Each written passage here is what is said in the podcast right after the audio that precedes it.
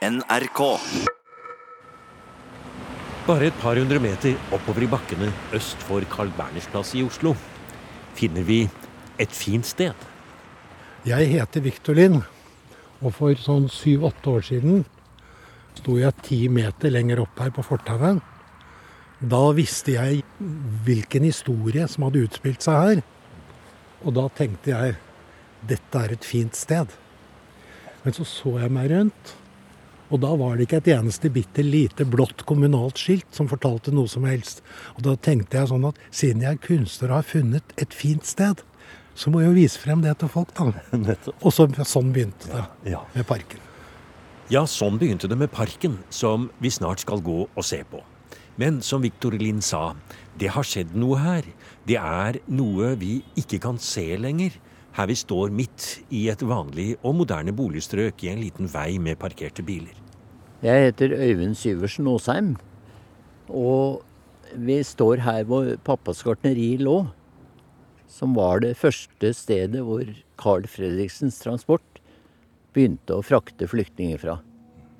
Og det er Carl Fredriksens transport det skal handle om i museum i dag. En illegal organisasjon som under annen verdenskrig utga seg for å være et vanlig transportfirma med lastebiler, men som i virkeligheten drev menneskesmugling i stor stil.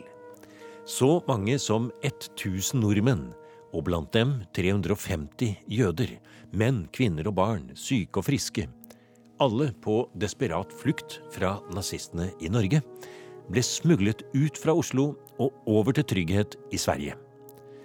Og den hemmelige fluktruten startet i et gartneri som for lengst er revet og borte. Drivhusene lå her ved siden av kirken, egentlig midt i gata lå det tre drivhus. Og her vi står, var arbeidsbrakken. Hvor eh, pappa under krigen hadde kaniner. Jeg regner med at det var eh, supplement til føden. Hvis du ser ved siden av muren her, mellom, mellom høybygget og muren, der gikk stikkveien fra gartneriet opp. Ikke sant, Øyvind? jo, og så en del av denne muren sto her. Ser jeg på bilder av gartneriet, den var her uh, den gangen. Før det ble bygget ut mer på nedsiden her. Og parken som Viktor har laget, fra toppen av den ser vi ned på dette stedet hvor gartneriet lå. Nå, nå peker Viktor bort her. For dere har nemlig sett på kart, så dere For du har jo ikke selv vært Ja. i det drivhuset. Nei. Nei. Jo, jeg Ja. har vært der. Jeg har, Det er et bilde av meg i barnevognen der. Og Jeg jobben har- til din far det var altså å drive dette gartneriet. Og han eide gartneriet. Han hadde bygd det selv også, har du fortalt? Han, ja, han leide eiendommen av en familie Nanseth som bodde rett bak oss her. Og, og bygget drivhusene med hjelp av ved hjelp av familie. Bilder av tanter og onkler som hjelper til når de holder på med reisverket til drivhuset. Og han fikk nok masse materiale fra en skraphandel på baksiden her. Som vi kanskje skal komme tilbake til litt seinere. Ja. Hvordan kom din far med i dette arbeidet, Øyvind? Det er nesten utrolig, for det Jeg tror ikke han var eh, aktiv i noe som helst innen motstandsbevegelsen. Før sønnene til jeg nevnte, nevnte skraphandleren, som han handlet en del fra. Plutselig en morgen så var det tre av sønnene til skraphandler skraphandlersjefen som var jøder, og som eh, venta bak drivhuset hans og ba om hjelp. For da skulle Det var dagen alle mannlige jøder skulle arresteres. Og de hadde flyttet og gjemte seg her. Det var Og- brødrene London? Og det var London-brødrene, ja. ja. Ja. Nå skal vi la bilen kjøre forbi her. Vi står midt inne i det gamle gartneriet, men det er en vei her i dag. Ja. Så må det jo legges til også at det er ikke noe rart at det kjører lastebiler til og fra et gartneri. Nei. Det er som det skal være. Inntil noen sladrer. For å si det veldig pent. Men jeg er litt opptatt likevel for å komme et øyeblikk tilbake til det, Din far altså da, som du sier, ikke var aktiv i noe som helst. Ikke var, som du vet om. Nei. Nei. Og plutselig så står da eh, noen av brødrene London der, og de er jøder, og de er eh, redde for sitt liv, og de skal flykte. Ja. Så finner de eh, tilflukt der. Det var altså da starten på egentlig det som etter hvert skulle bli da Carl Fredriksens transport. Hvorfor kom de til din far, tror du? Jeg tror de kom fordi de kjente han som en, eh, som en trivelig mann. Som han har handlet en del av sted. Ja. I forbindelse med å bygge og lage gartneri her. Ja, de, de stolte på at han kom ikke til å angi dem. Det må de ha gjort. Det bodde rundt 2100 jøder i Norge i 1940. Inkludert noen hundre jødiske flyktninger som hadde kommet fra de områdene som allerede var en del av Det tredje riket. Gradvis ble alt gjort vanskeligere og vanskeligere for jødene, og etter drøye to år ble det norske holocaust satt ut i livet. Høsten 1942 ble først de jødiske mennene arrestert og internert i norske leire. I november kom så den natten da norsk politi og vanlige sivile drosjer, rekvirert av Vidkun Quislings regjering, oppsøkte alle kjente adresser hvor det bodde jøder. Alle som var hjemme, ble arrestert og brakt om bord i troppetransportskipet Donau. Til sammen 773 jøder ble sendt til dødsleiren Auschwitz. Kun 38 av disse overlevde og kom tilbake til Norge etter krigen. Men disse tallene forteller også at mange jøder greide å flykte. Det var en veldig vanskelig situasjon for de jødene som ennå ikke var arrestert, og som kanskje hadde fått store deler av sin familie deportert, sier historiker og faglig leder ved Jødisk museum i Oslo, Mats Tangestuen. Ja, De aller fleste som flykter, de flykter jo etter de to store aksjonene. Aksjonen mot mennene i oktober og mot resten, kvinner og barn, i november. Men så var det også da veldig mange som lå i dekning av disse jødene uh, i, eh, i hele landet, men først og fremst i Oslo. Eh, og det er først første og andre uke i desember hvor de fleste som er høyest eh, antall flykter da, til, eh, til Sverige. Og så har man jo hørt om at hjemmefronten og Milorg og mange andre, de, når de skulle flykte, når, når en gruppe ble rullet opp eller på annen måte, så har vi hørt om grenselosene. Man har hørt om timevis med turer gjennom grensetraktene for å komme seg frem da i sikkerhet. Men den type flukt som vi skal snakke om i dag, den var ikke sånn. Nei, Det ble jo en helt ny situasjon fordi det var eh, personer i alle aldre som måtte ut. Det var spedbarn og det var veldig gamle mennesker. Eh, og noen av de sikreste rutene som de ulike illegale organisasjonene hadde, og som de først og fremst hadde for sine egne medlemmer, og som en slags sikkerhetsventil for egen organisasjon, de eh, var gjerne på to dagsmarsjer eller mer gjennom skog. Når man er, skulle ha med små barn eller veldig gamle mennesker, så fungerte ikke det. Og Derfor ble disse rutene hvor Carl Fregsen Transport var en av organisasjonene, eh, hvor man kjørte lastebiler, veldig viktig. Eh, og selve turen til grensen tok rundt fire timer, og det var ganske kort å gå etter det. Det var andre også som, som brukte Kommunistene bl.a. kjørte eh, ganske mange jøder i, i lastebiler. Så de var ikke alene om det, men eh, Carl Fredriks Transport er nok den, eller var den gruppen som fraktet, fraktet flest. Og alt skjedde veldig konsentrert og raskt senhøsten 1942. I løpet av bare noen få dager og uker ble det iverksatt en stor illegal operasjon som varte noen få måneder til inn på vinteren og våren 1943. Og det var ikke detaljerte planer fra London eller motstandsbevegelsens berømte personer som fikk det til å skje. Det var altså en vanlig sivil gartner som aldri hadde vært med i noe illegalt arbeid. Det var en radiohandler, en avsatt politimann og hans kone, og en kaldblodig og modig ansatt på transportkontoret for lastebiler. Og alt begynte på ren refleks da gartner Syversen en morgen oppdaget fire av brødrene London som lå i dekning bak et av drivhusene. Ja, så Faren til Øyvind, eh, Rolf Syversen, han eh, tok da kontakt med en radiohandler i eh, ikke så veldig langt unna her, Trondheimsveien. Og Han hadde igjen kontakt med politimannen Alf Pettersen, altså suspendert politimann. En radiohandler så seint i krigen, eller midt i krigen, hadde jo ikke så veldig mye omsetning. Men Syversen visste at folk samlet seg der for å høre på nyhetssending fra London. Og da vet man allerede at, at man gjør ting som er illegalt. da. Og sånn, sånn ble kontakten opprettet til, til Alf Pettersen. Og pappa visste nok det, for det veien herifra og ned til Stortorvet, hvor han og faren hans solgte planter. De solgte blomster på Stortorvet. Og da er den naturlige veien herifra rett ned forbi radiohandleren. Alf Pettersen var politimannen som hadde fått sparken fordi han ikke ville gjøre nazihilsen.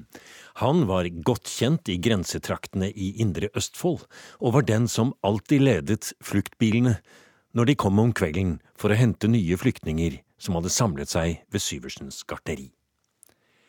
Men denne første turen, den gikk tidlig om morgenen. Det fortalte en av London-brødrene selv, Ben London, i et NRK-intervju med Olav Vesaas i 1982. Eh, klokken åtte neste våren lå vi på lasteplanet under knottsekker og vi ble da fraktet eh, østover mot Sverige. Vi var jo forferdelig nervøse over det som eventuelt måtte kunne skje på en slik transport. Vi, vi var oppløftet samtidig som vi var forferdelig deprimert. Ikke bare over vår egen skjebne, som lå i hendene på ham, men også over familien som var igjen hjemme. Hva gjorde du, Alf Pettersen, for å sette mot i, i flyktningene på en slik transport? Nei, jeg vet ikke, jeg. Det Jeg opptrådte ja, det, bare, det var bare å kjøre på. Det var bare å kjøre på, sa Alf Pettersen i et NRK-opptak 40 år senere. Men så enkelt var det vel ikke. Hele organisasjonen var avhengig av mange hjelpere på forskjellige steder. Gartner Syversen stilte sitt gartneri til disposisjon, Reidar Larsen på transportkontoret fikk ordnet med sjåfører og biler, noen måtte skaffe falske pass og grenseboerbevis, Askim Gummivarefabrikk var behjelpelig med falske transportoppdrag, og andre hjelpere måtte hente og bringe flyktningene til gartneriet, hvor to biler gikk presis klokken 21 hver kveld og alt med livet som innsats. Det var et stort apparat, men i starten var det organisert på privat initiativ, sier Mats Tangestuen fra Jødisk museum. Ja, sånn sett så blir en person som het Reidar Larsen veldig viktig. Han eh, jobba som inspektør på Transportformidlingens avdeling nummer én i Maridalsveien 10. Og det var en eh, slags eh, sammenslutning med lastebileiere, hvor lastebileiere selv og sjåfører kom og fikk oppdrag. Eh, der var det rundt 180 eh, sjåfører. Eh, og Reidar Larsen hadde god kontroll på dem, og som han selv sa, så var det så fantes det ikke folk med dårlige holdninger blant dem.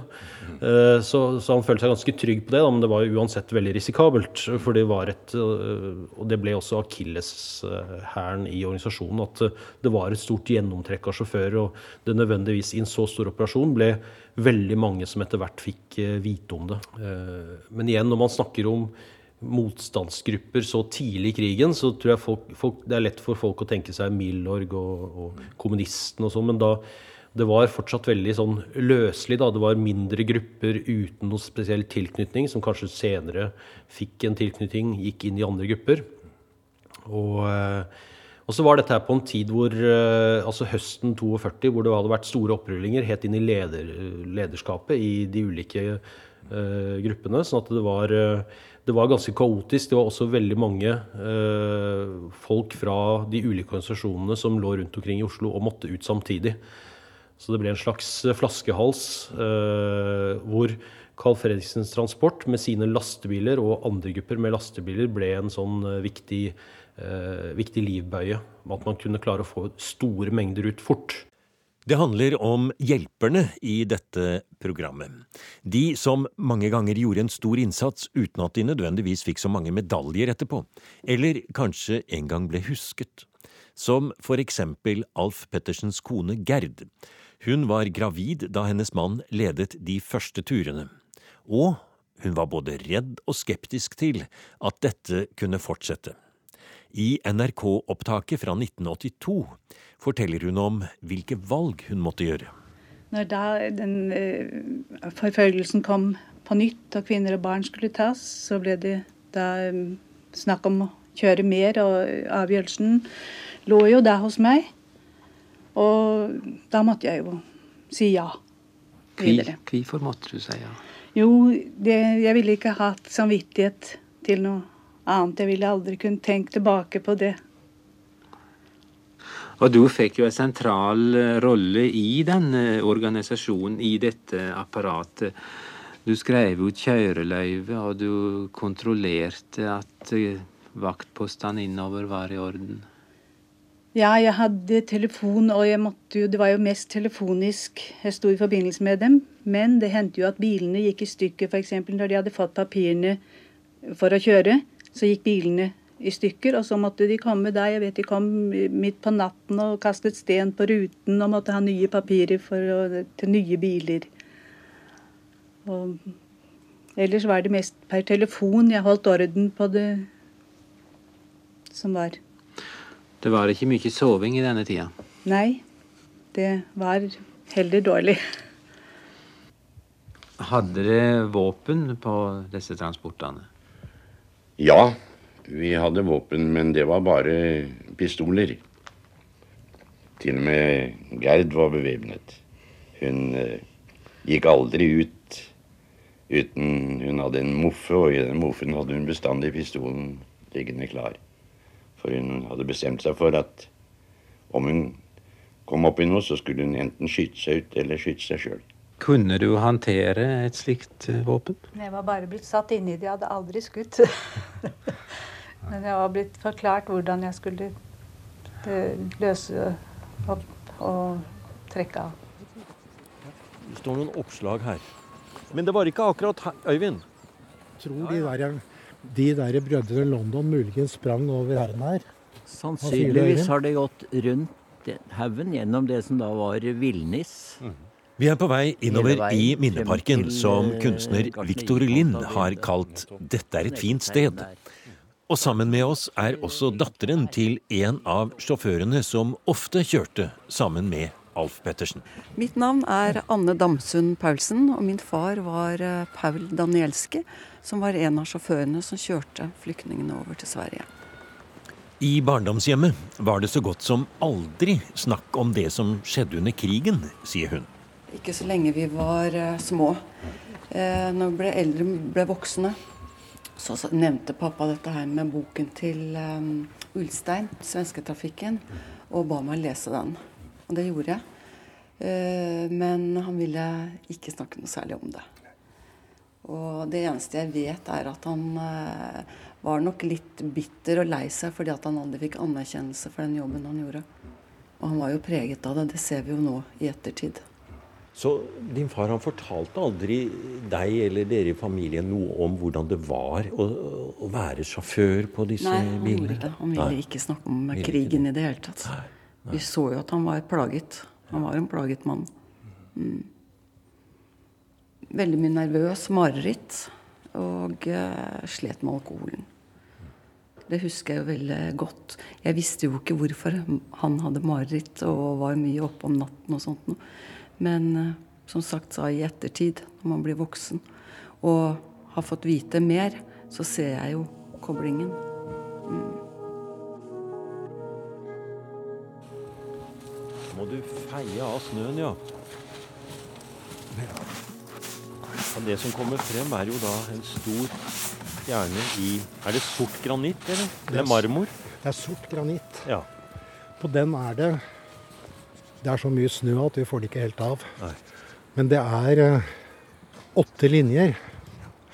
Og det er da veldig konsentrert kortversjonen av hvilken historie som denne parken forteller om. Og den har gått runde på runde Altså hos alle impliserte, alle etterkommere av redningsfolkene. Slik at den til slutt blir en riktig tekst. Det var vanskelig på åtte linjer å fortelle hele historien. Det gjør den faktisk. Og det er jo heller ikke første gangen du bruker dine kunstneriske innfallsvinkler på annen verdenskrig og jødeforfølgelsene i Norge. Nei, jeg har drevet over 20 år, tror jeg, med det som tema. Fordi jeg er jo født i 1940, og min mor var det som noen da kaller jøde. Jeg trekker ikke sånne skiller mellom folk. Og vi bodde selv i dekning under hele krigen. Og det gjorde jo inntrykk på meg å ha en sånn bakgrunn. Men det er også det med kunsten, da, at når man først skal bruke livet sitt til å være kunstner, hva skal du da gjøre? Skal jeg underholde folk? Nei, jeg må gjøre noe som er viktig. Minneparken like ved Carl Berner i Oslo er på 1,2 mål og ligger i en skråning som bare var villnis før kunstneren Victor Lind startet sitt prosjekt. Med solide støttespillere som arkitektfirmaet Snøhetta og Jødisk museum ble det et samarbeid med Oslo kommune. Mye tålmodighet og minst 50 møter, sier Lind. Og jeg var da den som hele tiden bare kostet på med, så er ikke dette verdt å, å bruke noe penger på? Dere bruker penger på alt mulig annet. Er ikke en sånn ting som dette verdt å minnes? Og det liksom folk Jo, de bøyde seg for det. Skal vi gå litt innover i det fine stedet, Victor? Hvis vi går litt oppover her nå i snøen, så ser vi her det er blå, små lykter som står og lyser her også om kvelden. Og det er plakater både på norsk og engelsk. Du går jo også rundt med en egen plakat på deg selv. Jeg leser nå på din frakk her at det står et blått, rund button. Friheten må gjestfri være. Og datert da 25.10.2013. Og der har du gjort eh, Wergelands ord til dine. Ja, i den grad jeg kan gjøre det. Ja. Men det er da åpnings... Det er en button for åpningen, for det var kronprins Haakon som var med en gang skjønte hvorfor det het Carl Fredriksens transport. Mhm. Det var oppkalt etter oldefaren hans. Nemlig prins Carl, sønn av kong Fredrik i Danmark. De blir da Carl Fredriksen, nemlig kong Haakon. Så det tok nåværende kronprins Haakon med en gang, ja. Det skjønte han med en gang, og stilte her og åpnet parken. Sammen med ordføreren i Oslo. Ja. Og her, ja det er jo masse bilder, og det er hender som holder i hverandre, og det er plakater og oppslag. Og de hendene du ser, det er, var meningen først å ha portretter av de som ble berget herfra, eller deres etterkommere. Fordi vi regnet ut, sånn statistisk, så lever det i dag 9000 mennesker pga. denne redningsaksjonen. Det er fire generasjoner. Og vi endte opp med, istedenfor å lage portretter som var gjenkjennelige, å bruke hendene til de folkene som Det er fire generasjoner av hender til de som lever. Det er det som er gjort her. Og uttalelser av de samme på de små plakatene. Det hemmelige nettverket i Carl Fredriksens transport var intenst aktive i en periode på seks uker fra slutten av november i 1942 til inn på nyåret i 1943.